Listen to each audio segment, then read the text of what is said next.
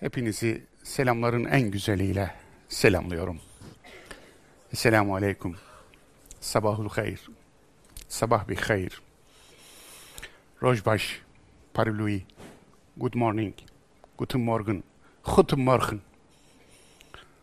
Bonjour. Buongiorno. Dobro jutro. Dzień dobre. Selamet pagi. Ohayo gozaimasu. Zao en. Habari. Dünyanın neresinde insanlar birbirlerini nasıl selamlıyorlarsa, nasıl günaydın diyorlarsa, keşke elimden gelse hepsine kendi dillerinde selamlasam, günaydın desem. Ben de sizleri öyle selamlıyor, öyle hayırlı günler diliyorum. Zira selam İslam'dır. İslam'ın parolasıdır. İslam silmdir. Silm kökünden türetilir. Silm barıştır. Müslüman barış elçisidir. Müslüman olmak barışın büyük elçisi olmaktır. Zira İslam Allah'ın küresel barış projesidir. İnsanın insanla barışı, insanın kendisiyle barışı, insanın toprakla, insanın suyla, insanın havayla, insanın yerle gökle, insanın kainatla ama en çok da insanın yaratıcıyla barış. Dolayısıyla İslam barış projesi iken İslam'ı bir savaş projesine dönüştüren insanların kendilerine Müslüman demeleri bir problemdi. Bu problem nereden kaynaklanıyor deyince iki tane İslam olduğu, en az iki tane İslam olduğunu gördük.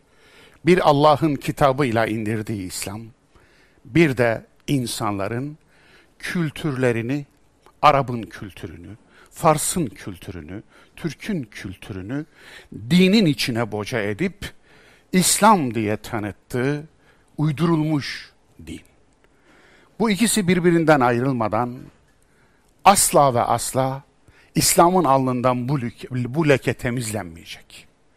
Bu ikisini yani İslam kültürüyle Allah'ın indirdiği İslam birbirinden ayrılmadan kültürle din aynı kefeye konulduğu sürece kültürü din, dini kültür olarak görmeye devam edecek birileri.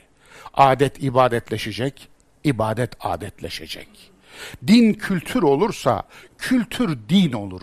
Kültür din olursa din kültür olur. Kültür insan yapımı, din ise sahibi Allah olan bir kurum.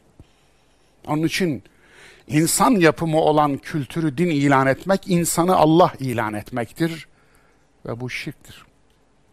Bu anlamda Siretül Kur'an dersleri işte bu ayrımı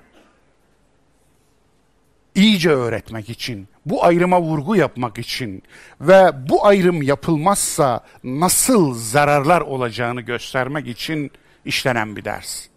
Siretül Kur'an yani Kur'an'ın hayat yolculuğu. Bugün 8. dersimizdeyiz hamdolsun. 8 ders yaklaşık 4 ay eder yaklaşık. Siretül Kur'an derslerinin etkisini anlamak istiyorsanız vurduğu yerden çıkan sese bakın. O zaman anlarsınız. Bu dersler başlayınca gürültü çıkacağını biliyordum ama bu kadar çıkacağını tahmin etmemiştim. Organize gürültü çıkıyor. Gerçekten organize. Yani şerde, günahta ve isyanda dayanışma içindeler. Biz Ebu Cehil'e vuruyoruz, sesi torunlarından geliyor. Çok ilginç. Mi? Bence ilginç de değil. Gayet doğal. Organize çalışıyorlar. Karargahlar kurmuşlar. Oraya bazen bazıları onlarca bazıları yüzlerce adam oturtmuşlar. Para veriyorlar. Çomar çalıştırıyorlar. Troll çalıştırıyorlar. Bunların hepsinin ortak yanı şu. Sürü istiyorlar. Sürüyü seviyorlar. Zira çoban olmak istiyorlar gütmek istiyorlar. Geçen de söyledim. Kur'an Allah Resulüne ra'ina la tekulu ra'ina Peygambere çobanımız demeyin diye açıkça uyarıyor. Çobanımız. Çünkü ra'i çoban anlamına geliyor. Ve kulun zurna. Bize bak. Bizi gözet deyin ama bize çoban ol demeyin diyordu Kur'an. Niye? Zira siz koyun olmayın diyordu müminlere. Mümin koyun değil, mümin sürü değil, mümin karga değil. Siz leş kargası olmayın. Eğer olacaksanız kartal olun. Onun için peygamber çobanınız değil, siz de sürü değilsiniz. Ama nasıl oldu da Kur'an siz çoban ve sürü olmayın derken peygamberin ağzına uydurduğunuz lafı koyup hepimiz çobanız güttüğümüz sürüden mesulüz dedirttiniz. Kur'an'la savaş diye sipariş verseniz, Kur'an'a karşı meydan oku diye bir sipariş verseniz ancak böyle olur. Onun için Siretül Kur'an iyi gidiyor hamdolsun.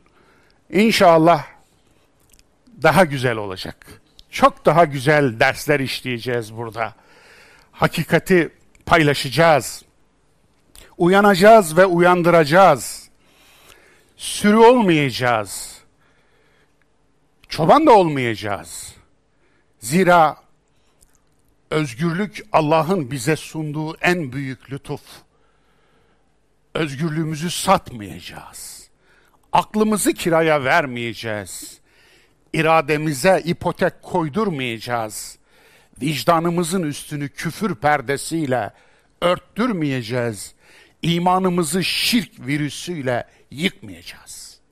Onun için bu dersler Kur'an'ın hayat yürüyüşü dersleri bunun için var ve yolcu yolunda gerek kervan yola çıkmışsa gelen sesler gürültü olmaktan öte bir şey ifade etmezler. Dediğim gibi organize gürültü çıkarılıyor. Aynen ataları gibiler. Onlar da diyorlardı ki gürültü yapın, onun okuduğu Kur'an anlaşılmasın. Fakat gürültüye rağmen hala hakikat yaşıyor. Hakikatin sesi her sesin üstündedir ve biz de sopayı yediği gün, ağzı burnu dağıldığı gün Abdullah İbni Mesud'un cahiliyenin müşrikleri tarafından Kur'an okudu diye ağzını burnunun dağıtıldığı gün söylediği sözü söylüyoruz. Ben hiç müşrikleri o günkü kadar aciz görmedim. Acziyet söze karşı, fikre karşı, fikirle karşı koyamamaktır. Aziyet, düşünceye karşı, düşünceyle karşı koyamayıp tehditle, tekfirle, yıldırmayla, algı operasyonuyla, iftirayla, yalanla, dolanla karşı koymaya çalışmaktır. Onun için düşünce kazanacak hakikat kazanacak. Değerli kardeşlerim, bugün 8. dersimizde Araplar, Kureyş kabilesi ve Haşimiler konusu konu başlığımız. Önce alt başlığımız, birinci alt başlığımız Araplar. Araplar deyince tabii bir ırk geliyor Arap. Türk deyince bir başka ırk geliyor. Dolayısıyla Fars deyince bir başka ırk geliyor. Irklar bir vaka, bir olgu. Fakat ırkların ortaya çıkışı ırkçılar tarafından biyolojik, tanrısal bir şeymiş gibi sunuluyor. Hayır. Tüm bilimsel veriler bugüne kadar şunu gösterdi. Irklar biyolojik bir olgu değildir. Ve dünyada saf bir ırk yoktur. Irklar kültürel bir oluşumdur bir kültürün etrafında bir araya gelmişlerdir. Bazen ırkları birbiriyle savaşan daha alt gruplar, kabileler, kavimler oluşturur. Yani adamlar birbirine düşman olmuşlar, aşk nefretle başlamış, ileride bu bir ırka dönüşmüş. Ama ırkların ortak bir değeri varsa eğer, yani neyle tanımlayalım? kültürle mi tanımlayalım, tarihle mi tanımlayalım, coğrafyayla mı tanımlayalım, dille mi tanımlayalım diye bir soru sorulacak olursa ben deniz ırkların dille tanımlanacağını kabul eden ekolü kabul ediyorum. Doğru buluyorum. Irklar dille tanımlanır. Araplarda Arapça konuşan aba ecdat, babadan, atadan, dededen Arap dilini konuşan kavimlerin toplamına verilen bir isim. Arap. Aslında e, bu ismin ta ilk kaynaklardan itibaren anıldığını görüyoruz. Asur kaynaklarında görüyoruz bu ismi. Eski Yunan'da görüyoruz bu ismi. Hatta eski Mısır kaynaklarında Arabu şeklinde görüyoruz bu ismi. Onun için bu isim hemen hemen yazılı tarihin başlangıcından beri bilinen bir isim. Arabistan Yarımadası'nda meskun olan ve Arap dilini konuşan kavimlere deniliyor ki biraz sonra bir harita göstereceğim. Arap dili de yeknesak değil. Alt grupları var, lehçeleri var, ağızları var. Dolayısıyla Arapça aslında el-a'rab, fasih konuşan, anlaşılır konuşan anlamından türetilmiş bir kelime. Tabii bu kelimenin en arkaik manasını da bilmiyoruz. Ta ilk türelişi, türetilişi nereden geldi onu da bilmiyoruz. Muhtemelen ta Sümerlerden beri sürüp geliyor olsa gerek. Evet, ırkların oluşum ve şekillenişine dair size çok temel, çok esaslı bilgi alabileceğiniz bu arada bir de kitap tavsiye ediyorum. Bu Rus alim Gumilev'in Etnogenez isimli kitabı. Aslında hakların şekillenişi, yükseliş ve düşüşleri şeklinde çevirmişler ama asıl ismi Etnogenez. Gerçekten de bu alanda dünya tarihinde ırkların oluşumuna dair yazılmış en harika, en ilmi eserlerden biri. Aynı zamanda bir tezdir etnogenez ve Gumilev'in gerçekten de tezini ispat ettiğini bu eseri okuyunca görürüz. Tabii ilgilisine, ilgili olan, daha derine inmek isteyen, ileri okumalar yapmak isteyen arkadaşlar için ara ara böyle temel eserler tavsiye edeceğim.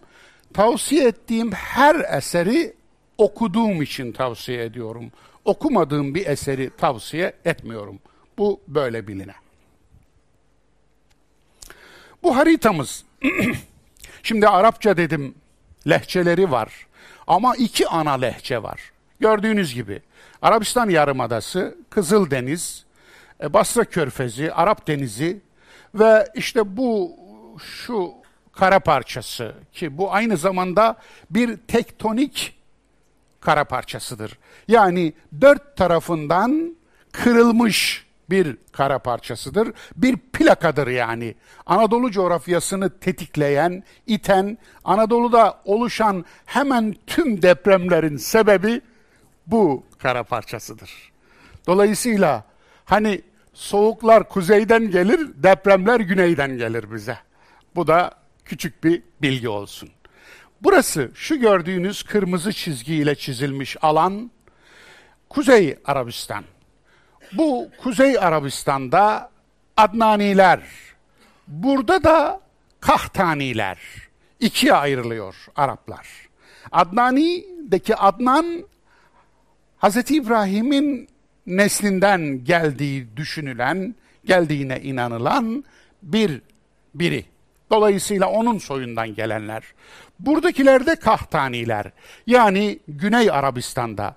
Yemen buraya giriyor, Umman buraya giriyor. Hatta bakınız buraya uzanıyor. Şu uzantı çok önemli. Bu uzantıda Habeşistan dediğimiz İslam tarihinde, bugün Etiyopya dediğimiz e, ki burada Cibuti aslında, burası Etiyopya, burası Somali, arkasında Kenya var. Bu bu bölge ki o gün Aksum diye biliniyor. Necaşilerin yönettiği bir bölge. Dolayısıyla Necaşi'nin ismi Necaşi değil, kral gibi, melik gibi, sultan gibi, padişah gibi bir ünvan. Dolayısıyla Necaşilerin yönettiği bu ülke de aslında Arap dili asıllı bir dil konuşuyor. Şu anda Amhari lügatı hakim. Şu anda Habeşistan'da, Etiyopya'da Amharice yazılır dil. Alfabesi çok farklıdır. Hatta takvimleri bile farklıdır. Dolayısıyla Habeşistan'a, Etopya'ya gidenler iyi bilirler. Ben deniz gittim. Hatta e, Necaşi'nin e, yattığı yere gittim. O diyarı ziyaret ettim. Oradaki sahabi e, mezarını gördüm. Tek tek inceledim.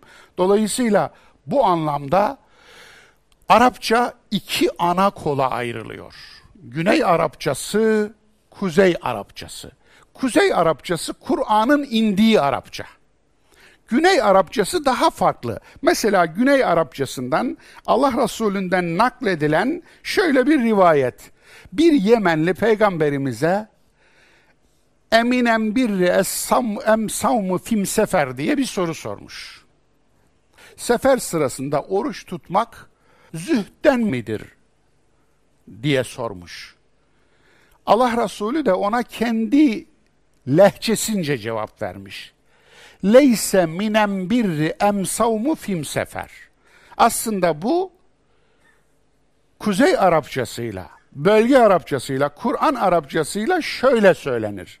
Leyse minel birri es savmu fis sefer. Gördüğünüz gibi lam tarifler tamamen mime dönüşmüş orada.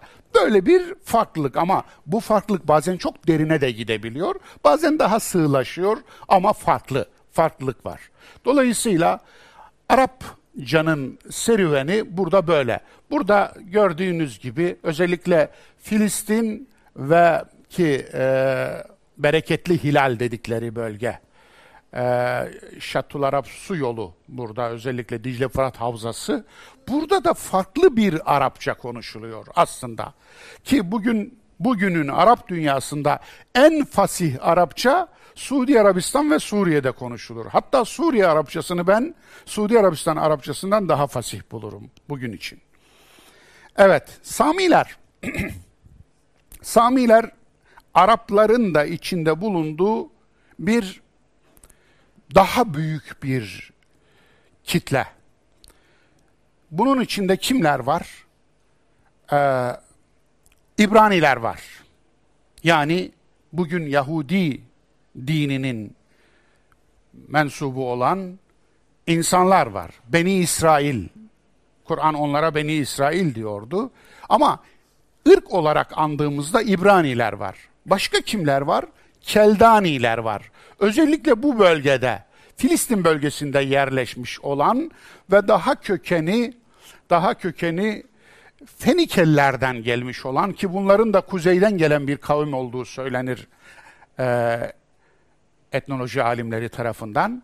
Yine Süryaniler var. Aramice Süryanice'nin bir diyalektidir. Bugün çok küçük lokal olarak bazı yerlerde özellikle Irak'ta bir yerde konuşuluyor. Süryaniler var. Yine e, kimler var? Asurlular var. Bu kavme Sami grubuna dair dahil Asur Asuriler var ve bu diller aynı zamanda Sami dil grubunun, dil ailesinin bir alt üyesi. Dolayısıyla bu bölgedeki bütün kavimler, bütün üst kimlikler tamamıyla Sami ailesine üyeler.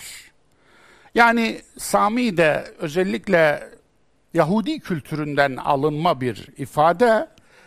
Ee, Nuh peygamberin üç oğlu varmış. Ham, Sam, Yafes. Hamiler siyah ırk, Samiler ki bu bölgedeki ırklar, ırk diyelim. Yafesiler ise Ural Altay bölün bölgesindeki Türkler, Moğollar, Japonlar, Çinliler ve diğerleri. Öyle bir ayrım yapılır ama bu ayrımın bilimsel bir karşılığı yoktur. Onu söyleyeyim. Bugün şu kesindir ırk olarak. Bir Y kromozomu Adem'den geldik. Bir de bir de mitokondriyal Havva'dan geldik. Bu kesin. Bunun kesin olduğunu nereden söylüyoruz? Çünkü Allah imzaları genetiğimize, genimize atmış. Genimizde her ata bir imza bırakıyor. Her anne bir imza bırakıyor. 500 bin nesil mi geçti? 500 bin ata, 500 bin ananın imzasını taşıyoruz şu anda. Her kaç yüz binse öyledir. Yüz binlerden ifade etmek lazım, öyle ifade etmek lazım. Onun için kesin olan gerçeklik budur. Biz bir Y kromozomu Adem'den, bir, biz bir mitokondriyal Havva'dan geliyoruz. Bir. Onun için bu kesin, ondan ötesi kesin değil. Ondan ötesi insanlık başlangıçta bir ümmetti diyor ya Kur'an. Kâne ümmeten vahideten. Başlangıçta bir ümmetti, daha sonra çoğaldı, farklılaştı, ayrıştı. Araplar. Araplar biraz önce de söylediğim gibi bu coğrafyada meskun olan kavimler, diller, o dilleri konuşuyorlar kök olarak. Sami dil ailesi ve Arapça üzerine konuştum. Arap yazısına dair de bir şeyler söyleyeyim. Arap yazısı aslında Fenike yazısından evrilmiş bir yazı. Fenikeliler milattan önce 15. asırdan tutun milattan sonra 4. asra kadar etkileri uzamış, etkileri uzun sürmüş bir kavim. Akdeniz'i kolonileştiren kavimdir Fenikeliler. Denizci bir kavimdir, ticaret kavmidir. Aslında Hazreti Süleyman'ın filoları Fenike filolarıydı. Hani Kur'an'da geçer ya, gidişi bir aylık, dönüşü bir aylık. Onun için Akdeniz'i hatta Bizantium köyünü kolonileştiren Fenikelilerdir. Yani ilk İstanbul'u köy olarak kuran da Fenikelilerdir. Dahası Karadeniz'i kolonileştiren, e, Trabezus'u kuran e, Fenikelilerdir. Onun için bir ticaret kavmidir ve bu kavim tamamen bölgenin aynı zamanda dilini hatta yazısını şekillendirmiş. Bugünkü dünyada kullanılan yazılar, Latince'nin, Latince alfabesinin kökeninin ne olduğunu düşünüyorsunuz mesela? Fenike alfabesi. Evet. Yani Batı'nın kullandığı yazının alfabesi güneyden, doğudan gidiyor. Fenike alfabesidir. Çok ilginçtir. Onun için Arapçanın da ta arkaik olarak alfabetik aslı oradan geliyor. Oradan kime geçmiş? Nabatilere. Nabatlılar buradaydı. Burada devlet kurdular. Yine milattan önce 3. yüzyılda kurdular ki milattan sonra 4. yüzyıla kadar da devam etti Nabatiler. Nabatilerden şuraya geliyor. Yani bugün Irak sınırları içinde bulunan Kufe yakınlarındaki Hire'ye geliyor yazı. Ki Lahmiler devleti var orada. Orada daha da ileri boyut kazanıyor Arap yazısı ve Mekke'de okuma yazma bilen sayısı yaklaşık 17 kişi olarak verilir. Bunların da kaçı okuma yazma biliyor, kaçı sadece okuma biliyor emin değiliz. Ama Mekke'de yazı bilen, Arapça yazabilen insanların yüzde 99'u Hire'de eğitim görüp yazıyı öğrenip yani Lahmiler devletinde yazıyı öğrenip Arabistan'a gelmiş, Mekke'ye gelmiş, Hicaz'a gelmiş insanlardan oluşuyor. Dolayısıyla Arap yazısı da 28 alfabelik bir yazı ve yazının ilk metinleri, bize kadar gelen ilk metinleri çok eski değil. 512 tarihli ilk metin. Arap yazısıyla gelen. Çok eski değil. Onun için diyorum, o da aslında bakarak Arap dilini öğreneceğimiz bir metin değil. Bu anlamda Arap dilinin ilk mükemmel metni Kur'an-ı Kerim'dir. Bu çok önemli. Onun için şunu söylüyorum. Kur'an'da bir Arap diliyle ilgili bir ifade şu şekilde geçiyor. Ama dil kuralını koyanlar bu dil kuralına aykırı diyorsa bu evladı annesini doğurması gibi bir şey oluyor. Anlatabiliyor muyum? Bu doğru değil. 150 yıl sonra çıkmış bir dil alimi Kur'an'ın bir ifadesini Arapçanın konulu kullanım işte şeyine structure'ına, binasına, şekline aykırı olarak görüyorsa aslında bu yanlış bir görüştür. Zira dilin kuralını çıkarsa, çıkaracaksanız ilk metinden çıkarırsınız. Kur'an'dan çıkaracaksınız. Başka çareniz yok. Dolayısıyla ilk metin o. Ama mezar taşları var. Kitabeler var. Bunlar milattan öncesine kadar uzanıyor. Suriye Zebet'te mesela mezar kitabeleri var, taşlar var. Bunlar çok daha eskiye kadar uzanıyor. Bunların hepsi tespit edilmiş durumda.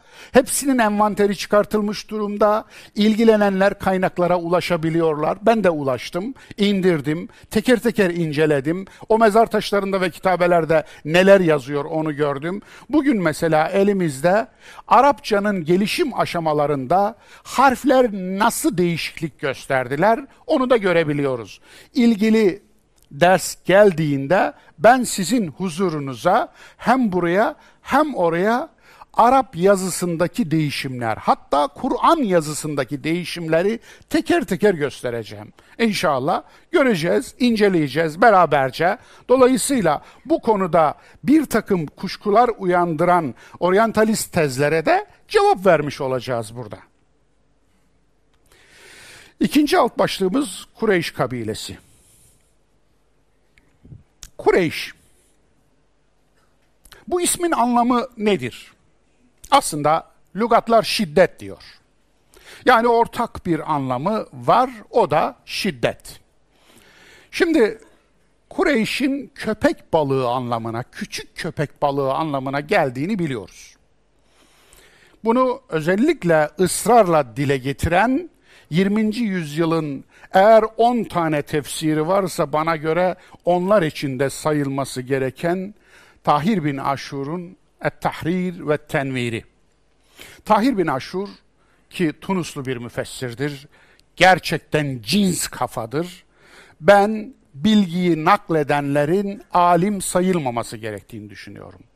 Eğer bilgiyi nakledenler alim olacaksa lütfen Google Efendi Hazretleri Kaddesallahu Sırrahul Aziz'i en üste koyun. En üste koyun.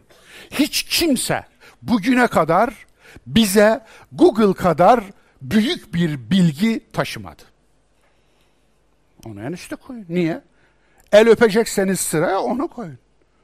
Allame-i Cihan, Feridü Zaman Google Efendi Hazretleridir.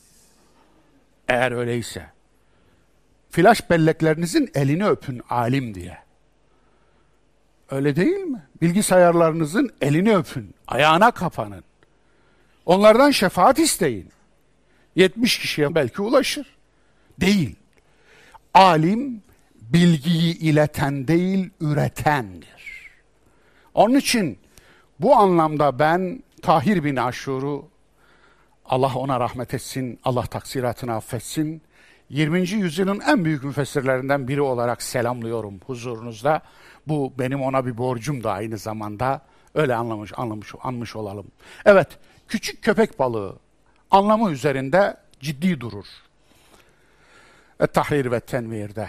Toplama, derleme, devşirme anlamı var bir de. İkinci anlamı bu. Küçük küçük köpek balığı anlamına geliyor. Bir de toplama, devşirme, siz bu anlama gelen bir kelimeyi günlük kullanıyorsunuz. Farkında değilsiniz ama. Kaç kuruş? Kuruş. Kuruş aslında oradan geliyor. Toplama, derleme yani bozuk para anlamına gelmiş bizde şimdi. Ama kök anlamıyla derme devşirme anlamına geliyor. Peki Kureyş'le köpek balığının ne alakası var? İşte o alakayı hiç kimse kuramıyor. Niye? Kureyş bir deniz kavmi değil. Bir kıyı kavmi değil. Eğer balıkçı bir kavim olsa, balıkçı bir millet olsa, Kureyş kavim olsa diyeceğiz ki tamam yakışmış. Bunlar denizle uğraşmışlar, balıkla ilgilenmişler. Dolayısıyla küçük köpek balığı ismini almışlar. Yok böyle bir şey. Aksine Kureyş denizden nefret eden bir kabile. Bir büyük kabile, kabileler topluluğu. Denizden nefret ediyorlar. Onun için ölmekten değil denizde ölmekten korkuyorlar. O da kabrimiz olmaz diye korkuyorlar. Tapılacak bir kabrimiz olmaz. Sayılacak bir kabrimiz olmaz. Dolayısıyla köpek balığıyla Kureyş'in alakasını çok fazla kuramıyoruz. Peki derleme toplama işte bu. Benim de şahsen tercih ettiğim anlam bu. Tabii yanılıyor olabiliriz. Çünkü bunlar hep yorum. Mutlak değil. Benim söylediğim her şey dost doğrudur diyen şeytan olabilir ancak. Efendim yoksa Allah olacak zaten. Allah'ın söylediği doğrudur. Her şeyi bilen doğruyu, her zaman doğruyu söyler. Onun için her şeyi bilen bir tek zat var, o da Allah'tır. Onun için bu anlamda ben bir yorum yapıyorum. Derleme devşirme anlamına geliyor. Hakikaten de Kureyş'in oluşumuna baktığımızda derleme devşirme bir kabile olduğunu görüyoruz. Onun için e, taze peynir anlamında var, anlamı var. Efendim karş taze peynir anlamına geliyor aynı kökten. Fihr bin Malik'in çocukları diye geçiyor. Özellikle bu işle ilgili Arap yazarlarının eserlerinde. Yani nesep ilmi diye bir nesep var, ilim var. Nesep ilmi soy ilmi demek. Soy ilmiyle ilgilenen alimler kişilerin soylarını koyuyorlar. Ama önceki derslerden birinde de bu mevzuyu işledim. Uydurulmuş hadis konusu Kur'an'ın konusudur biliyorsunuz. Yusuf suresinin 111. ayetinde bu Kur'an uydurulmuş hadis değildir diyor. Yani hadisi kavramsal olarak kullanıyor orada. Demek ki uydurulmuş hadis sorunu Kur'an'ın önünde var. Uydurulmuş hadis alanlarından biri de nesep, soy alanları. Çünkü kişiler soy uydurtabiliyorlar. Soy ilim adamlarına, soy alimlerine bana fiyakalı bir soy uydur, sana iki deve. O da çok fiyakalı bir soy uyduruyor. Onun için bu hiç garip değil. Fihr bin Malik'in çocukları mı, toplama bir üst kimlik mi denildiğinde elbette ikincisi daha ağırlıklı geliyor bu arka plan bilgileri elde tutulduğunda. Kureyş'in Mekke ve civarına hakim olması. Kureyş daha önce Mekke ve civarında değil. Yani daha kuzeyde yaşadıkları söyleniyor ama yerleri de gösterilmiyor. Şuradan geldiler diye gösteren bir kaynağa rastlamadım Kureyş'in. Yani şurada yaşıyorlardı. Bu da toplama, derleme, devşirme olduklarını gösteriyor. Dolayısıyla peki Nasıl geliyorlar Mekke ve civarına? Kusay bin Kilab burada anahtar role sahip bir isim. 5. yüzyılın başında yaşamış, 4. yüzyılın sonunda yaşamış bir Arap. 5. kuşak dedesi aynı zamanda Allah Resulü'nün eğer bize kadar gelen nakiller doğruysa. Kusay bin Kilab köpeklerin oğlu Kusay anlamına gelir. Kilap, kelbin çoğulu. Kelp köpek demek. Kilap, köpekler demek. Köpeklerin oğlu Kusay. Neden kilap? Bir insana köpeklerin oğlu niye denir ki? Ben bunu çok araştırdım. Merak ettim. Merak bu ya. Yani hele hele Araplarda köpek de sevilen bir hayvan değil. Özellikle Araplar köpeği şeytanla eş tutan bir zihniyetteler. Dolayısıyla işte onu hadis diye Allah Resulüne de iftira ettiler. Kara köpekler şeytandır diye bir hadis Allah Resulünden zuhur etmiş olabilir mi? Kur'an'da köpek geçiyor, iyi olarak geçiyor. Av, av köpekleri, avcı köpeklerin yakaladıklarının temiz olduğu zikrediliyor. Anlatabiliyor muyum? Evet, neden kilap? Kaynaklarda bunu açıklayıcı bir bilgi buluyoruz. Habeşli tüccarların mallarını Kusay önce satın alırmış. Sonra onları öldürüp satın aldığı malın verdiği parayı geri tahsil edermiş. Dolayısıyla gasp edermiş yani. Bu İbni Habib'in El-Münemmak isimli gerçekten de muhteşem bilgilerin, çok nadir bilgilerin toplandığı eserinde görüyoruz. İbni Habib masal anlatmaz. Çok ilginç. Fakat ayrıntıları dikkat eder ve bize üstü kapatılmış bilgileri sunar. Böyle tarihçiler gerçekten tarihçi olmanın hakkını veren adamlardır. Onun için ben İbni Habib'in verdiği bilgileri çok çok değerli bulurum. Bazıları diyorlar ya işinize gelmeyen hadisi reddediyorsunuz. İşinize geleni de kabul ediyorsunuz. Güzel çomarım benim. Çemkirmenim. Şunu kafana koy. Tarih, tarihi kaynaklar, rivayetler bir bilgi kaynağıdır. Fakat din kaynağı değildir.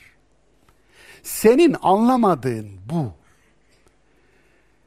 Tarihi kaynaklar, tarihi rivayetler, tarih, rivayetler, bütün bunları biz dinimizin içine koymayız. Bunlardan din öğrenmeyiz.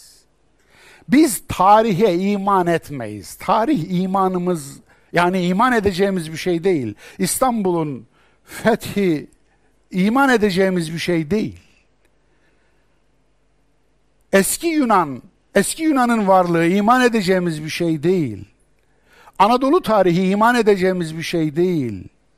Kadeş Savaşı iman edeceğimiz bir şey değil. Firavunlar Devleti iman edeceğimiz bir şey değil. Bu tarihi bilgidir. Sorun burada şudur. Sen getirip imanının içine koyuyorsun. Zandan iman olmaz, imandan zan olmaz. Çünkü zanni bilgidir. Zan. Bu anlamda biz bütün bu malzemeyi bu işin aslı esası nasıldır diye öğrenmek için derleriz, toparlarız. Bir de kendi arasında eleştirel akılla eleriz. Büyük bir emek veririz bu malzemeye. Biz de emek veririz. Bunu toplayanlar emek vermiş. Onun için senin sorunun bu. Güzel kardeşim, sevgili çomarım. Onun için anla bunu. Yani tarihi malzeme, rivayet hepsi elbette ki bilgi konusudur ama iman konusu değildir. İmanının içine alma, dinin içine alma, dinin konusu değildir bu. Din kültürünün konusu olabilir, olsa olsa. Kültür insan ürünüdür, din Allah ürünüdür. Eyvallah.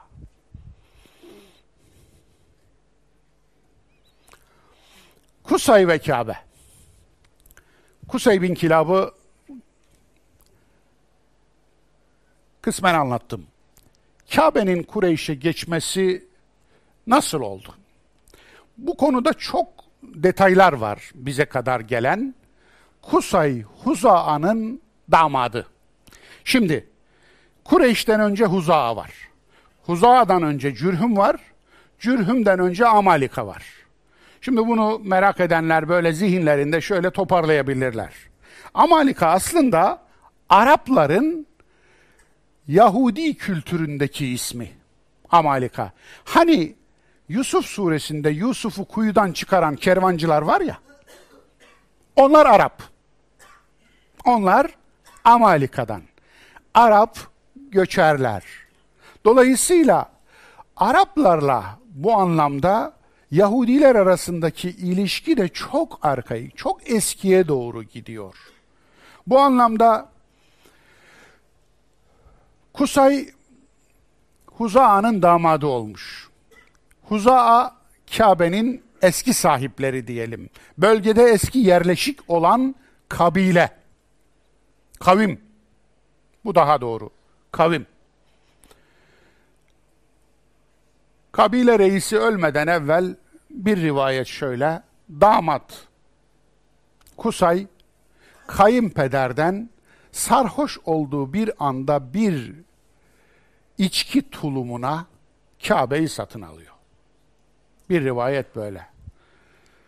Çok mu ucuza gitmiş?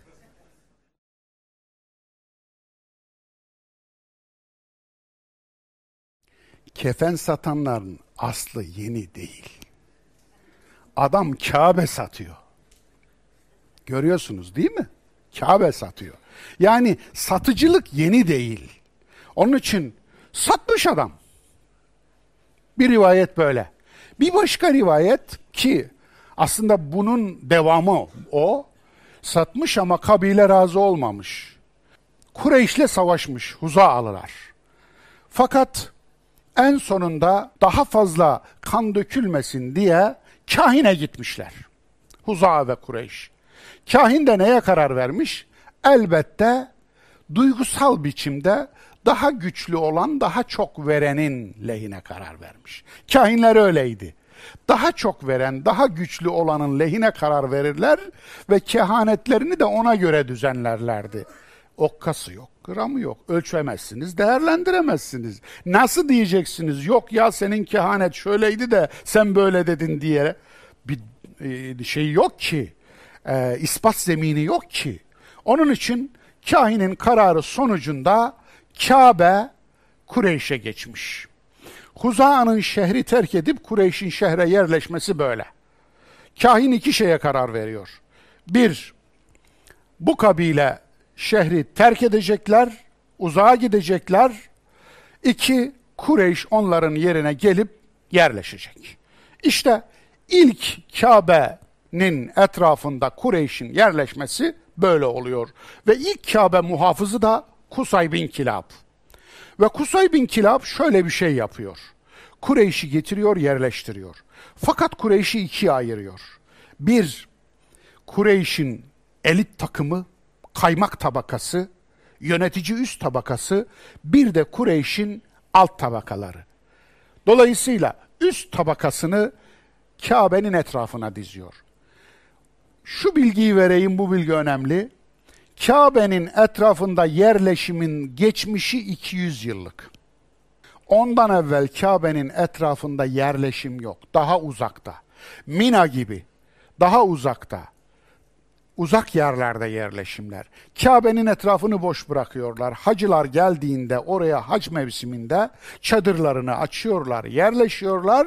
Onlar için Kabe'nin etrafında yerleşimi yasaklamışlar ilk defa Kusay Kabe'nin etrafına yerleşime açıyor. Yani e, Toki desem ayıp olur mu? Efendim yerleşimi açıyor ve merkeze Batha o çukur aslında bataklık gibi bir anlamı da var. Oraya hatırlı kabileleri, zengin kabileleri, güçlü kabileleri diziyor. Efendim, taşraya, zavahir denilen taşraya da diğerlerini atıyor. Böyle Kabe'de aslında ezenler ve ezilenler sınıfının başlangıcı böyle oluşuyor. Bir sınıf var. Ezenler, Kabe'nin ekmeğini yiyenler, onu hani o ayette geçen tis'a raht var ya, dokuz çete, dokuz çete aslında oradan geliyor. Haşimiler, üçüncü başlığımız. Haşimiler biliyorsunuz sevgili Resulümüzün de içinden çıktığı soy. Bu soyun şöyle kısaca bir geçmişine gidelim. Haşim bin Abdümenaf. Haşimilerin atası. Kusay bin Kilab'ın tabi torununun torunu veya bir daha ileri. Yaklaşık yaşadığı zaman dilimi bu. 464 miladi, 498 miladide de vefat ediyor. Ya, yaklaşık yani 5. yüzyılın ikinci yarısında yaşıyor. Çok da öyle uzun bir hayat yaşamamış gördüğünüz gibi. Asıl adı Haşim değil. Adı Haşim değil. Adı Amr. Amr aslında Ömer'le aynı kökten efendim. Yani e, yaşayan demek. Amir deseydik eğer yönetici olurdu. Bu ayrı, ayınla değil. Ama Amr, Ömer, Ömür, Ömür yani o kökten geliyor. Haşim namını nasıl alıyor? Hacılara yemek yapmak için peksimetleri, kurumuş ekmekleri böyle dilim dilim yapar, ezer, onları un gibi eder, onlarla çorba yapar, hacılara dağıtırmış. Onun için ezip ufalayan, un ufak eden anlamına geliyor. Heşim, Haşim oradan geliyor. Abdüşşems, Haşim'in kardeşi. Bu önemli çünkü Muaviye'nin büyük büyük dedesi Abdüşşems. Şimdi Haşimilerle Ümeyye oğulları Emeviler arasındaki savaşın, mücadelenin, istemezliğin ta burada başladığını görüyoruz aslında. Kökü çok eskiye gidiyor. Yani kabileci bir mantıkla kökü çok eskiye gidiyor. Abdüşşems Emevilerin büyük büyük dedesi. Ve Haşim ile yapışık ikizler. Öyle doğuyorlar. Yapışık ikiz olarak doğuyor ve dede ki e, Haşim'in babası Abdümenaf kılıcıyla bu yapışık ikizleri ayırıyor. Evet, muhtemelen kaynaklarda araştırdım bulamadım ama bu ayırmadan dolayı Abdüşşems bir parça yarım kalıyor. Ama Haşim sağlıklı, Amr sağlıklı, yapışık ikizlerden. Ve tabii ki kardeş olmaları itibariyle Kabe senin elinde olacak, yönetimi benim elimde olacak diye iki kardeş arasında bir niza var. İşte bu niza nereye kadar gidiyor? Biraz sonra geleyim oraya. İlk karısı Yesribli Selma binti Amr. Kimin? Haşim bin Abdümenaf'ın ilk karısı. İşi uluslararası tüccar ve Kureyş lideri. Haşim bin Abdümenaf'ın işi. Tüccar, gerçek bir tüccar. Yani ithalatçı, ihracatçı. Başarısı gerçekten de kabile içerisinde ismini ne onlara yazdırmış, ne onlarla yazdırmış bir lider. Nasıl olmuş? Bizans ve Aksum ile vergi muafiyeti ve serbest dolaşım anlaşmasını ilk yapan lider. Düşünebiliyor musunuz? Mekke ve civarında devlet yok. Haşim bir devlet reisi değil. Bir kabile reisi. Ama kabile reisi gidiyor zamanın süper güçlerinden biriyle serbest dolaşım anlaşması imzalıyor. Vergi muafiyeti anlaşması imzalıyor. Devlet yok ama vergi muafiyeti. Buna o zaman ne diyeceğiz? Şehir devleti diyeceğiz. Devlet yok bildiğimiz anlamda. Ama şehir devleti. Bu devletin bir kralı falan yok gördüğünüz gibi. Allah Resulü gelinceye kadar da olmayacak hep ileri gelen kabilelerin konsorsiyumu yönetiyor. Aslında bana sorarsanız Mekke şehir devleti bir ticaret devleti. Yani bir konsorsiyum, bir şirket devleti. Yani belki şirkin arkasında da bu şirket devleti mantığı var. Yani madem şirket devleti kurduk, tanrılarınızı getirin, tanrını da al da gel. Herkes tanrısını alsın da gelsin. Ne olursan ol, tanrını da al da gel. Mantığı hakim. Kabe'nin içine o kadar putu başka türlü nasıl doldurabileceksiniz? Böyle doldurabilirsiniz. Evet. Onun için serbest dolaşım anlaşması imzalıyor. Vergi muafiyeti neden? Mekkeli tüccarlar tüm bölgede Bizans ve Bizans'a tabi yerlerde serbestçe ticaret yapabilsinler diye. Aslında Mekke'yi bölgenin yıldızı haline getiren Haşim'in bu anlaşmaları. Aksum biliyorsunuz Necaşiler Devleti olduğunu söyledim. Necaşiler Devleti de e, Bizans etkisinde bir devlet. Tam Bizans'a bağlı demesek de dini itibariyle, Hristiyan olması itibariyle Bizans etkisinde bir devlet. Dört oğlundan biri Şeybe bin Haşim. Kim bu? Sevgili Resulümüzün dedesi. Abdülmuttalip. Abdülmuttalip aslında ismi değil, bunu biliyorsunuz değil mi? Allah Resulü'nün dedesinin ismi Abdülmuttalip değil. Niye denmiş? Muttalip kim? Muttalip amcası. Babası Haşim ölünce amcası onu Medine'deymiş. Annesi Medineli unutmayın Yesripli. Medine'de devesinin terkisinde Mekke'ye getiriyor. Ha terkisi dedim eskiler bilirler de yeniler bilirler mi bilmiyorum. Yani atın arka tarafına, bineğin arka tarafına terk derler. Dolayısıyla onun sürücüsünün arkasındaki onun terkisine oturmuştur. Yani ben unutuyorum yaşımız ilerledi. Gençler bazı kelimeleri bilmiyorlar. Anlatmak ve izah etmek gerekiyor. Ben de bunu daha sonradan öğreniyorum. Hocam şu ne diyorlar? Aa doğru diyorum. Siz yeni nesilsiniz. Evet. Ölümü 578. Abdülmuttalib'in. Allah Resulü'nün dedesinin biliyorsunuz belli bir yaşa kadar da dedesinin himayesinde büyümüştü. 7 yaşına kadar diyelim. Dört oğlundan biri Şeybe bin Haşim. Onun terkinde geldiği için, bineğinin üstünde Mekke'ye girdiği için Muttalib'in kulu demişler. Muttalib'in kulu, Muttalib'in kölesi anlamında. Köle değil, yeğeni, hür. Ama öyle demişler, öyle kalmış. Haşimi Emevi düşmanlığının kökeni işte burada başlıyor.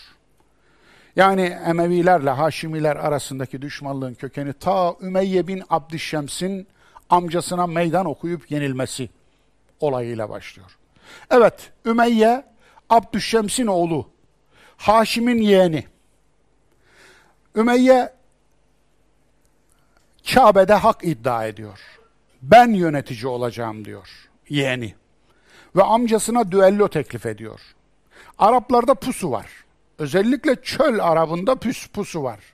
Ama şehir Arabında Roma'dan mülhem, Roma'dan etkilenerek düello kültürü de gelişiyor. Dolayısıyla Bizans'tan etkilenerek Roma'da düello kültürü var. Çöl Arabında pusu kültürü var. Dediğim gibi düello teklif ediyor amcasına. Pusu kurmuyor. O da bir yiğitlik mi diyelim. Efendim. Ve kahine gidiyorlar. Yani savaşmaktansa kahine gidiyorlar ve kahin iki karar veriyor. Amcan Kabe'nin ve Mekke'nin hakimidir. Hak onundur. Amcana elli deve vereceksin. On yıl sürgün kalacaksın. Yani 10 yıl bu bölgede yaşamayacaksın diyor. Ve yeğen nereye gidiyor biliyor musunuz? Ümeyye. Ta at oradan geliyor. Ümeyye, Emevi adı. Şam'a gidiyor. 10 yıl Şam'da sürgün kalıyor. Döndükten sonra hiç Haşimilerle araları bir daha düzelmiyor. Her fırsatta Haşimileri hasetlemeye, kıskanmaya ve vurmaya çalışıyorlar. Ta ki Yezid Hüseyin'i öldürünceye kadar. Yani bir tek veya birkaç kişi hariç soyunu kesmeye kalkışıncaya kadar. Hikaye bu efendim. Haşim bin Abdülmenaf. Haşimiler ve Yahudiler. bu ilginç. Bunu önemli buluyorum. Çünkü Bir takım oryantalistler buradan yola çıkarak İslam'ın Yahudiliğin bir kopyası olduğunu, Kur'an'ın da Tevrat'tan çalındığını söyleyebiliyorlar. Bu aslında yeri gelince söyleyeceğim Tevrat'la Kur'an arasındaki temel ilkelerde nasıl tam zıtlık var? Onu söyleyeceğim. Kur'an üstünlük ölçüsü olarak takvayı koyar. İnne ekremekum indallahi etkakum. Sorumluluk bilincini koyar üstünlük ölçüsü olarak.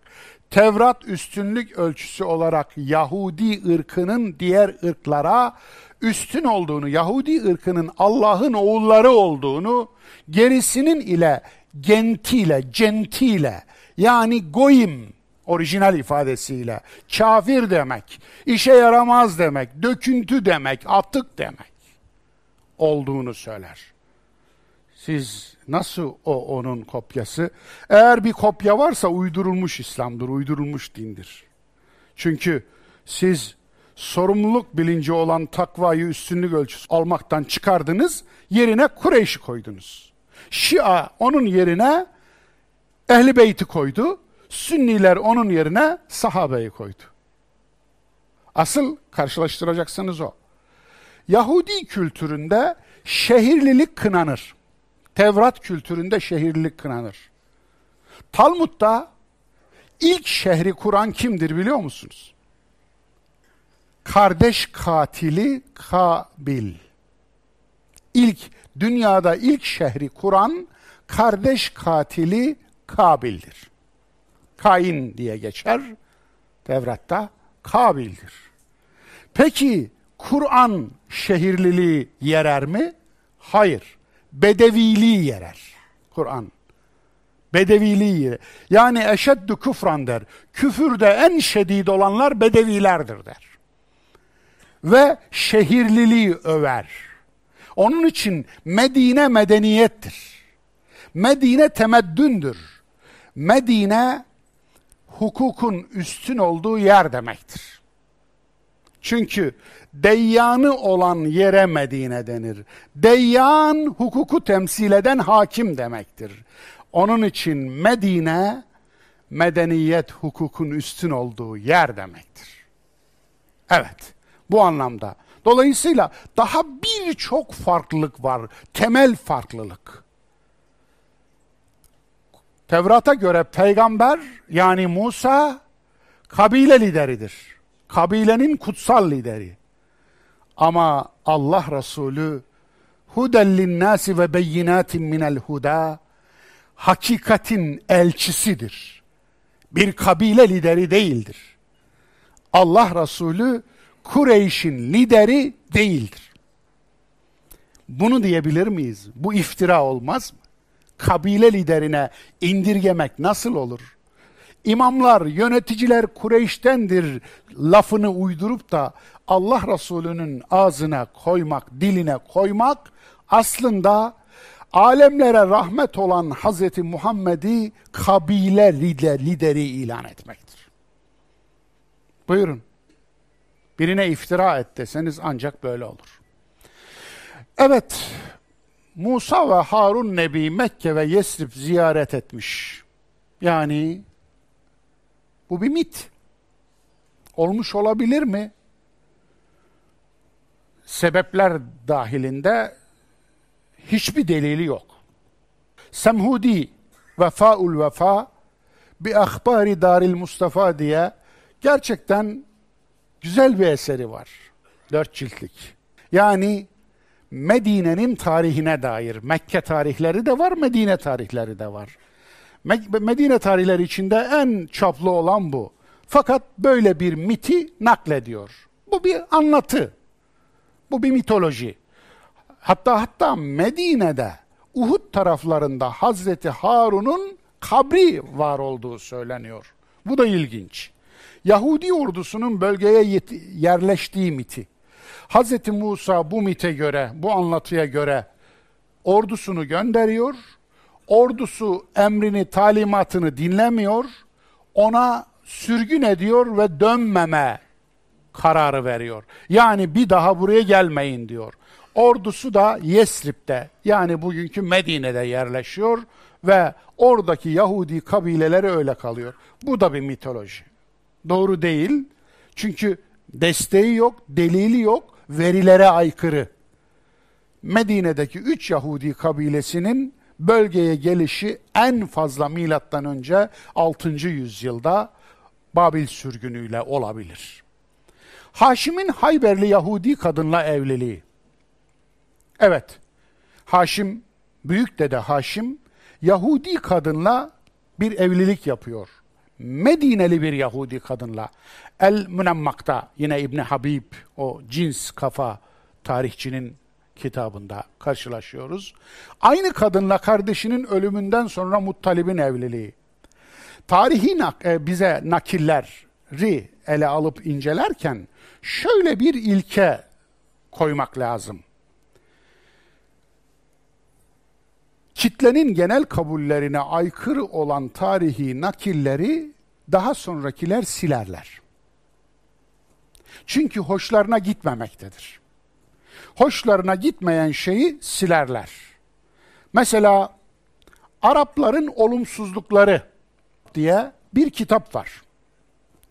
Bu İbnül Kelbi'nin kitabı. Gerçekten ben bu kitabı çok aradım. En sonunda Irak'ta bir kitapçının tozlu raflarında ta arka tarafta buldum. Ve altın bulmuş gibi de sevindim. Hemen her kaç lira olduğunu da sormadım zaten. Parayı uzattım ve aldım. Getirdim. Küçük bir şey fakat içinde öyle büyük bilgiler var ki bu bilgileri saklamakla yetinmemişler. Bizim ölü yüzü pudralayıcı menkıbeci tarihçiler, hurafeci tarihçiler bu kitabın soyunu kesmişler. Methalibül Arab'ı kaldırmışlar ortadan, kökünü kurutmuşlar. Ne diyor burada? Ne diyecek? Abbas hakkında saklanan olumsuzlukları da söylemiş. Oysa Abbasiler döneminde yaşıyor, ilk dönemlerde tabii bu. Ama Emeviler hakkında Muaviye'nin nispet edildiği dört tane babayı sayıyor. Bir insan dört babaya nispet edilir mi? Efendim, anlatabiliyor muyum? Şimdi sen misin bunu yapan? Hani çıkıyorlar ya Hazreti Muaviye, Hazreti Muaviye efendim. Yani bizim Hazreti Muaviye'miz nasıl dört babaya nispet edilir? Mantık bu. Yaklaşım bu. Hakikati öğrenmek gibi bir derdi yok. Putum devrilmesin. Bir put yapmış, adını Muaviye koymuş ve bu putum devrilmesin. Niye? Bir de ona vahiy katipliği yakıştırmışlar. Vahiy katibi falan hiç olmadı. Hiçbir vahiy yazmadı. O vergi tahsildarıydı. Allah Resulü'nün vergi tahsil. Vergi tahsildarından vahiy katibi çıkarırsınız siz. Nelerden neler çıkardınız. Siz siz müşriklerden evliya çıkardınız. Katillerden veli çıkardınız. İblislerden İdris çıkardınız. Karunlardan Harun çıkardınız. Bunlara bu postu giydirdiniz. Onun için siz çıkarırsınız. Nelerden neler çıkarırsınız. Ben bilirim sizi. Evet. Bu evlilikten doğan mahreme, Haşim'in Yahudi kadınla evliliğinden doğan mahreme, Abdülmuttalib'in baba bir kardeşi bu. Baba bir, anne ayrı. Mahremenin bir Yahudi ile evliliğinden doğan Kays. Bu da yeğen. Kimin yeğeni? Abdülmuttalib'in yeğeni. Şimdi bütün bunları dikkate aldığımızda Abdülmuttalip oğlu Abdullah'a put önünde kura çekiyor biliyorsunuz. On oğlum olsaydı da birini kurban etseydim diye söz veriyor.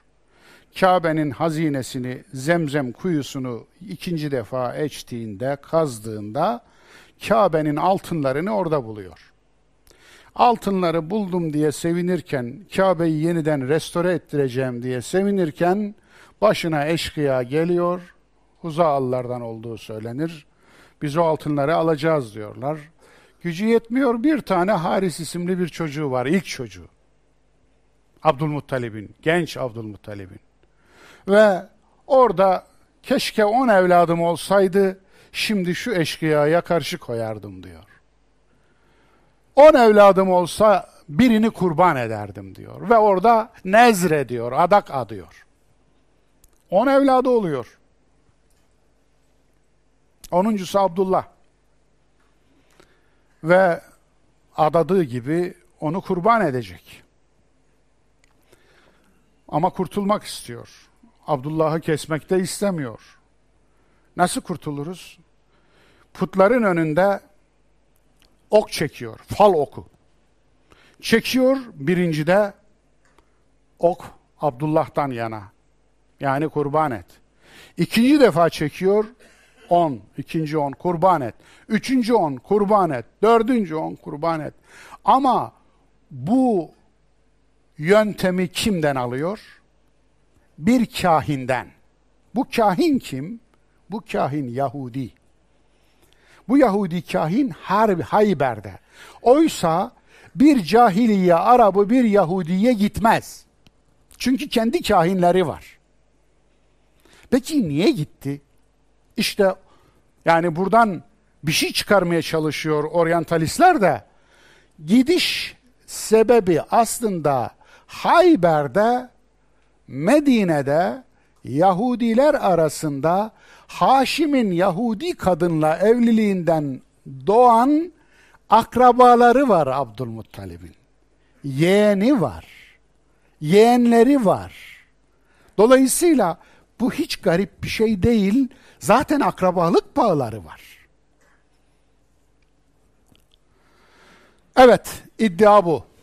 Oryantalist bir iddiaya cevap. Haşimi adının kaynağı Yahudi Haşmonaim hanedanıdır. Oryantalist bir iddia var, böyle bir iddia. Yani Haşimiler Haşmonaim hanedanından almışlardır ismini. Bu iddianın tutarsız ve desteksiz olduğunu açık ve net olarak tespit ettiğimi düşünüyorum. Bir, Haşmon ile Haşim arasında yarım ses uyumu dışında hiçbir alaka yok. İki, Haşim, Haşmon hanedanı son bulduktan 450 yıl sonra yaşadı. Zira Haşmonayim hanedanı milattan sonra 30'lu yıllarda son buldu. Milattan önce 150 gibi başlıyor, milattan sonra 30'lu yılların sonunda son buluyor. 450 yıl var Haşim'e. Üçüncüsü bölge Yahudileri arasında böyle bir isim hiç kullanılmıyor. Yok. Dördüncüsü adı Amr olan Haşim'in bu namı yani Haşim namını sanını alış hikayesini biz biliyoruz. Dolayısıyla bu oryantalist iddiayı açıklıkla reddedebiliriz. Doğru değil çünkü. Kureyş'in Kur'an'a karşı kibri. Evet. Nereden geliyor?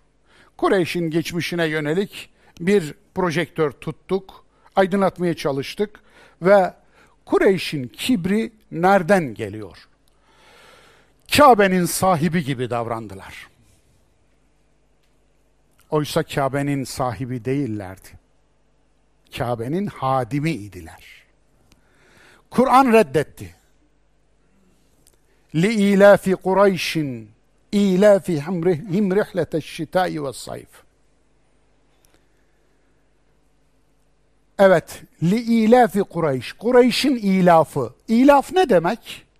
Kışın güneye, yazın kuzeye yapılan ticari sefer. 2000 develik kervana ulaşıyordu bazen bu kervanlar. 2000 deve, 2500 deve. Yani hacmin o günün tarihinde ne kadar büyük olduğunu siz tahmin edin. 2000 deve yüküyle lojistik bir taşıma hattı kurulmuş. Dolayısıyla bu çerçevede düşündüğünüzde bölgenin tüm can damarı bu hat. Yazın kuzeye gidiyorlar Şam'a, kışın güneye gidiyorlar. Yemen'e. Ve hem giderken götürüyorlar mal, hem de gelirken getiriyorlar. Daha önce mevzuyu işlemiştim. Kureyş'in ilafı hürmetine, aşkına, adına İlafihim rihletihim rihleteşşitai ve sayf. Yaz ve kız, kış seferi hürmetine. Öyle diyelim. فَلْيَعْبُدُوا رَبَّ هَذَا الْبَيْتِ Şu beytin Rabbine kulluk etsinler. Çok ince bir yer. Beyte kulluk etmesinler. Beytin Rabbine kulluk etsinler. Bugün hacıları düşünün. Hacıları düşünün. Beytin Rabbine hacca gidenler yüzde kaç? Beyte gidenler yüzde kaç? Düşünün. Beytin Rabbini düşünse eğer Hacerül Esved'i öpeceğim diye insana eziyet etmez. Anlatabiliyor muyum? Eziyet ettiği insan Allah'ın şaheseri.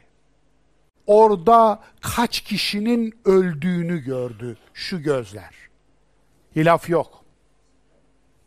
Hacda Hacerül Esved'in önünde polisin yerden cesedini topladığı kaç kişi gördüm?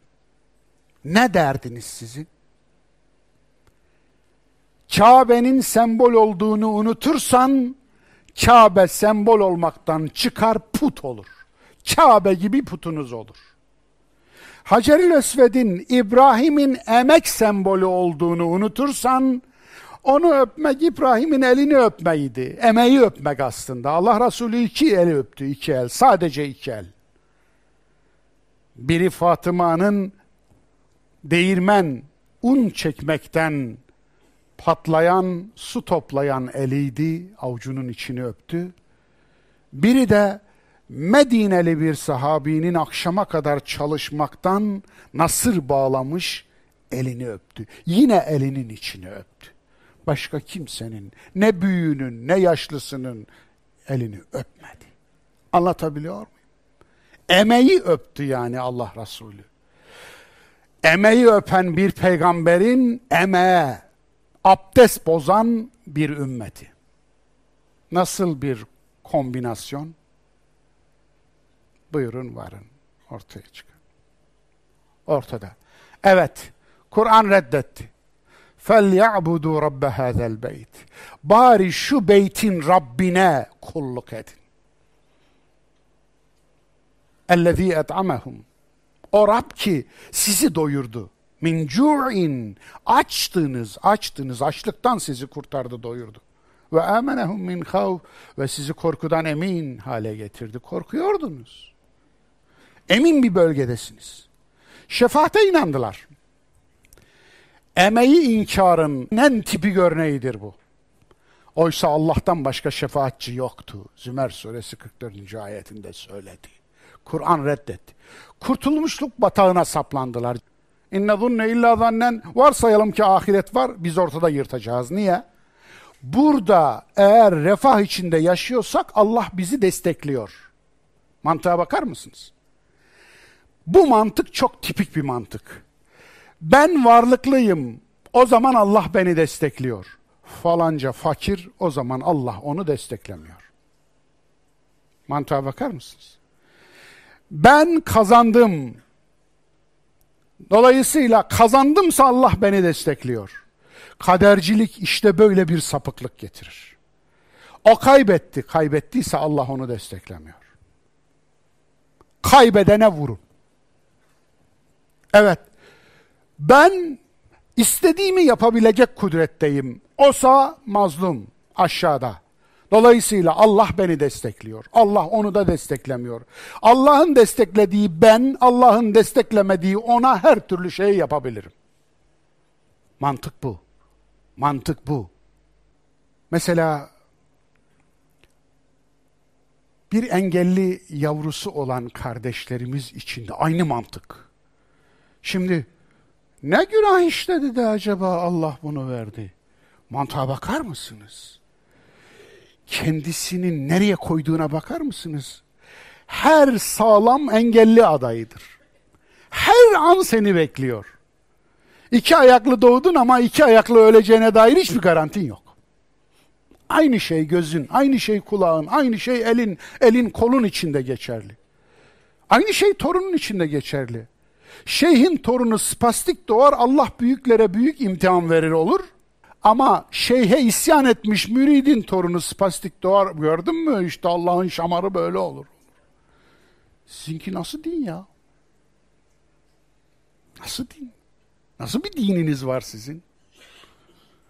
Dolayısıyla yani bu manada işte böyle düşünüyorlardı. Kurtulmuşluk batağına saplandılar. Kur'an pislikler dedi. Kendilerini İbrahim'in ümmeti gördüler. Kur'an ey kafirler dedi. Evet İbrahim'in ümmeti görüyorlardı. İbn Sad'ın dediği gibi onlar kendilerini İbrahim'in çocukları, İbrahim'in yolundan gidenler olarak görüyorlardı. Ama Kur'an ey kafirler, kul ya eyyuhel kafirun. De ki ey kafirler. Niye? Küfür hakikatin üstünü örtmektir. Onlar hakikatin üstünü örttüler. Biz Kur'an'ı sevmedik, bize başka bir kitap yaz da getir dediler Yunus 15. Evet öyle dediler. Yani yaz da getir dediler. Ve onların kendini Müslüman diye adlandıran zihniyet çocukları 250 yıl sonra, 300 yıl sonra rivayetler uydurdular, paralel Kur'anlar yazdılar. Bu da Allah'ın Kur'an dışı vahyi dediler. İşte bizim hikayemiz. Böyle saf, böyle temiz. Evet değerli kardeşlerim, bu sefer sizi e, bir buçuk saatte e, bırakacağım inşallah. Duyurum var. Mythbuster aranıyor. Mit savar. Füze savar var ya, yalan savarlar aranıyor aranızda. Mitoloji savarlar aranıyor aranızda. Hurafe savarlar aranıyor. Allah rızası için artık içinizden ne olur benim de hobim hurafe yakalamak. Hurafe avcısı huzurunuzda diyen yiğitler çıksın. Hatta bir çuval açsın, bir torba açsın, bir efendim dosya açsın, internette bir site açsın, hurafe avcısı desin adına, Mythbuster desin. Biliyor musunuz Avrupa'da, Amerika'da, diğer yerlerde Mythbuster'lar var. Yalan haber yakalamak için ömrünü adayan insanlar. Bu haber doğru mu yalan mı? Teyit siteleri açılıyor bakınız harıl harıl. Teyit etmeden, teyit sitesinden geçirmeden hiçbir habere inanmayın. Çünkü o kadar çamur ki ortalık. Peki teyitten geçirmeden nasıl imanınızın içine dolduracaksınız o kadar rivayeti? Onun için mythbuster'lar lazım. Hurafe savarlar, yalan savarlar, uydurulmuş dinin şirretliğine aldırmayacak, taş yiyecek, iftira yeme pahasına, küfür yeme pahasına, tekfir yeme pahasına, tehdit edilme sünnetini işleyecek hakikat erler aranıyor. Bunlar hep sünnet ha. Kabak yemek sünnet değildir. Taş yemek sünnettir. Evet. Kainat ayetlerinde geçtiğimiz haftalarda güzel bir şey oldu. Gökbilimciler bir buçuk milyar yıl uzaklıktaki bir galaksiden tekrar eden radyo sinyalleri aldılar. Bu gerçekten güzel bir haber. İlk radyo sinyali 1977 yılında SETI projesi kapsamında WOW sinyali denir ona. WOW diye raporu tutan gökbilimci yanına, sinyalin yanına bir kelime yazmış. Onun için wow sinyali denir onun. O zaman yakalamıştı. Ama o sinyal netleşti. Kainattaki başka bir canlı uygarlıktan değil, iki tane gök taşından geldiği anlaşıldı. Bu sinyalin ne olduğunu henüz bilmiyoruz. Kainatta yalnız mıyız bilmiyoruz. Yalnız olmadığımızın ben bilgisine sahip değilim. Ama güneş sistemi bize yeterdi. Bu kainat bize çok büyük. Allah israf etmez. Allah'ın yasalarından yola çıkarak yalnız olmadığımızı düşünüyorum. İnşallah öğreneceğiz. Bir gün. Uydurulmuş dinden bir sahne. Temizlikçi arkadaşımızın efendim süpürdükleri dualar. Burası ağlama duvarı. Kudüs'teki ağlama duvarı. Yahudilerin ibadet mahalli. Çünkü Hz. Süleyman'ın mabedinden kalan tek orijinal yer burası. Onun için burada gelirler, ağlarlar ve dualarını yazarlar, taşların arasına sıkıştırırlar. Bunları topladıktan sonra Zeytin Dağı'nda bir yere gömüyorlarmış. Fakat ilginç olan şu, duaya yüklenen anlama bak bu süpüren Falaşa Yahudisi, kendisi de Yahudidir. Başında bulunan amiri de Yahudidir, aynı zamanda din adamıdır. Yani ruhban sınıfındandır. Ama süpürüyorlar duaları. Süpürülecek dua etmeyin, duanızı süpürtmeyin. Bu da nereden geçiyor biliyor musunuz? Şundan geçiyor. Dualar dillerinizin söyledikleri değil, eylemle ellerinizin eyledikleridir. Yani duanız yaptıklarınızdır. Tercihlerinizdir dualarınız. Tercih etmediğiniz şeyleri duanızla istiyorsanız dilinizle haliniz birbirini yalanlıyor demektir. Dua bu değil. Duayı iyi öğrenelim. Tavsiye görselim var. Evet. The Stoning of Sreya.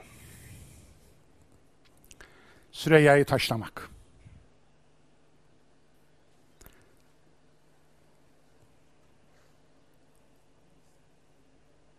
Çok fazla bir şey söylemeye gerek yok ama bir şeyler söyleyeceğim. Recm Kur'an'ın reddettiği bir ceza türü. Biz bu cezayı Kur'an'da görmüyoruz. Kur'an'da zina hakkında, zinanın cezası hakkında ayet var. Nur suresi ikinci ayet. Fakat yüz binlerce, belki milyonlarca kadın yüzlerce yıldır böyle taşlandı ve öldürüldü. Sadece kadın değil erkeklerde. Bu kadın bir iftiradan dolayı taşlandı. O da ayrı. Bu yaşanmış bir olay. İran'da yaşanmış bir olay. Şöyle bir şey okudunuz. Keçi nasıl bilirsiniz keçi? Keçi.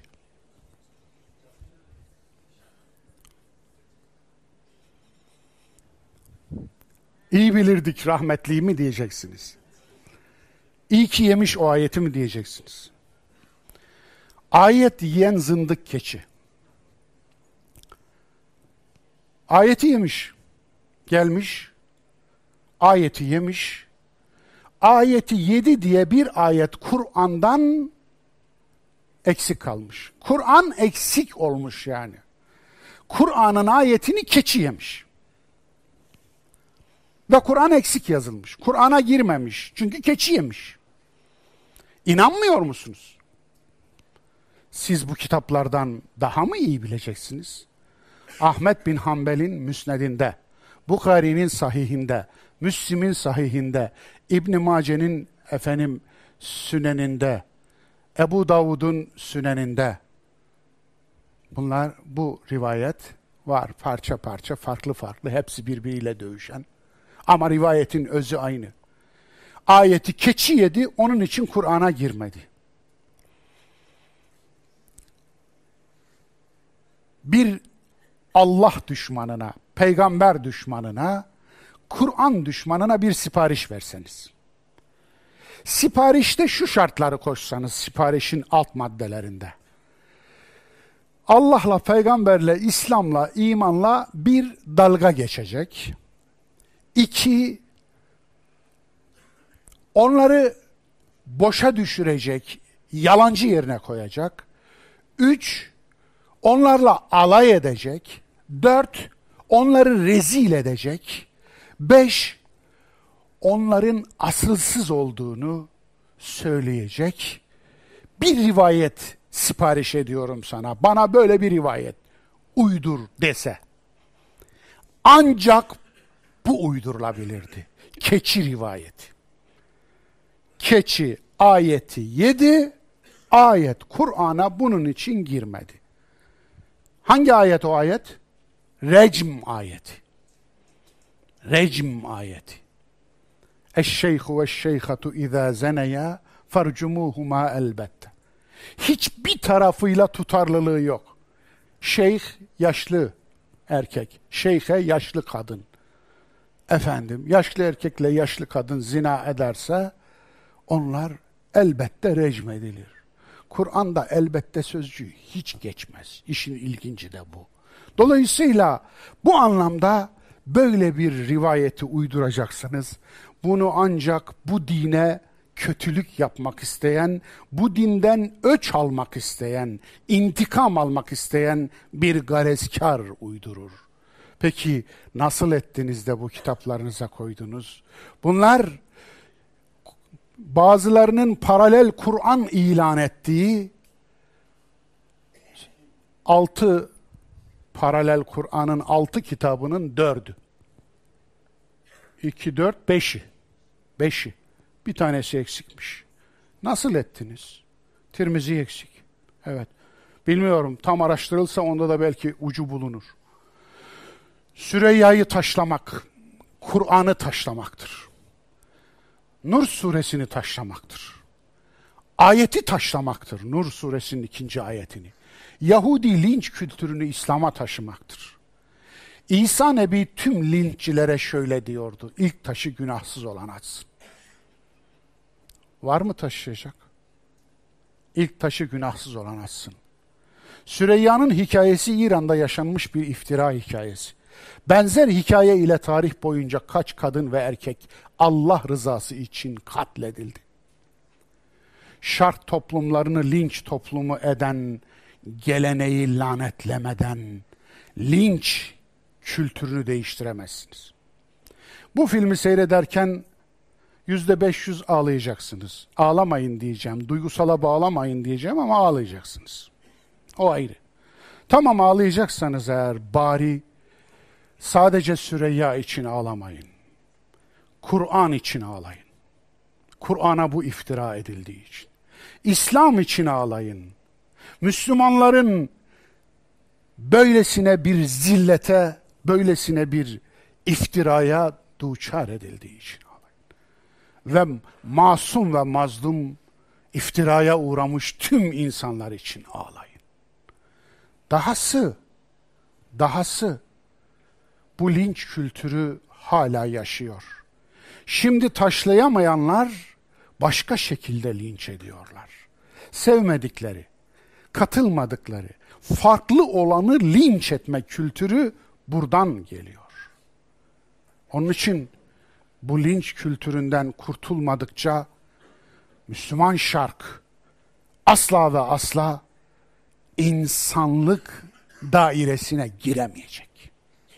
Onun için bu anlamda Süreyya'yı taşlamak filmini linç kültürünün nasıl acı sonuçları olmuş onu izlemek için de görün. Onu izledikten sonra eğer eğer içiniz alıyorsa Afganlı Ferhunde'nin taşlanarak öldürülme görüntüsünü önce tahtalarla sonra taşlarla sonra üstüne araba sürülerek sonra da yakılma görüntüsünü ki ilahiyat okuyan bir kızımızdı. Ehli Kur'an bir kızımızdı. Bir muskacıya orada itiraz ettiği için muska yaparak insanları aldattıklarını söylediği için Kur'an yakma iftirasıyla yakıldı. Onu da izlersiniz arkasında. Benim kahramanlarım. Bunu gördünüz mü? Şimdi bakın. Müslüman şark kurnazdır. Şark kurnazlığı diyoruz ona. Nasıl bir şey şark kurnazlığı biliyor musun? Şöyle bir şey. bu amcamızı tenzih ediyorum. Bu amcamızı kesinlikle tenzih ediyorum. Zaten kahramanım olarak koydum buraya. Ama şark kurnazı şöyle bir şeydir. Terazide tartarken bu miligramlık şeye dikkat eder ama deveyi hamuduyla götürür. Anlatabiliyor muyum? Onun için küçük şeylerde ayrıntıya dikkat eder. Kuruş farkını verir ama o fark eğer milyarlara bali olursa onu cukka yapar. O şark kurnazlığı. Ama bu amcamızın yaptığı gerçek, gerçek bir dürüstlük örneği. Yani gördüğümüz bu. Çünkü öyle olsa mal götürse zaten böyle bir yerde kalmaz. Bu yaşta e, bakkal dükkanı çalıştırmaz. Öyle biri olsa. Onun için burada kese kağıdında bir şey tartıyor. Eski teraziler. Bir kefede alınan mal var. Öbür kefede de ağırlık var. Görüyorsunuz gramı 200 gram olsa gerek bu. Ama onun altında da bir kese kağıdı var. Çünkü o kese kağıdı kadar ağırlığı hak geçmesin diye oraya koymuş. Eyvallah. Onun için hakka riayet eden, başkasının hakkına el uzatmayan, boğazından haram lokma geçirmeyen, geçmesin diye tir tir titreyen, başkasının hakkını yemektense ölürüm, aç dururum, açlıktan ölürüm diyebilecek kadar dürüst olan insanlara buradan selam olsun diyorum. Sosyal medya hesaplarımız burada. Lütfen ilginizi esirgemeyin. Çünkü orada siz yoksanız eğer linç ehli uydurulmuş dinciler var. Onun için eğer siz yoksanız onlara bırakıyorsunuz. Odalar tutmuşlar, salonlar tutmuşlar, paraları bol. Çünkü Allah'tan korkmuyorlar.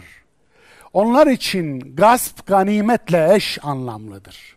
Gasp ediyorlar, adını ganimet koyuyorlar. Ganimet koyup da gasp ettikleri paraları trollerine vererek hücum ettiriyorlar. Linç ettiriyorlar. Siz o meydanı onlara bırakırsanız bu daha çok uzun sürecek. Lütfen ilginizi esirgemeyin. Hepinize teşekkür ediyorum. Akleden kalbinize hikmet olsun. Afiyet olsun efendim. Tekrar hoş geldiniz. Allah'a emanet olun.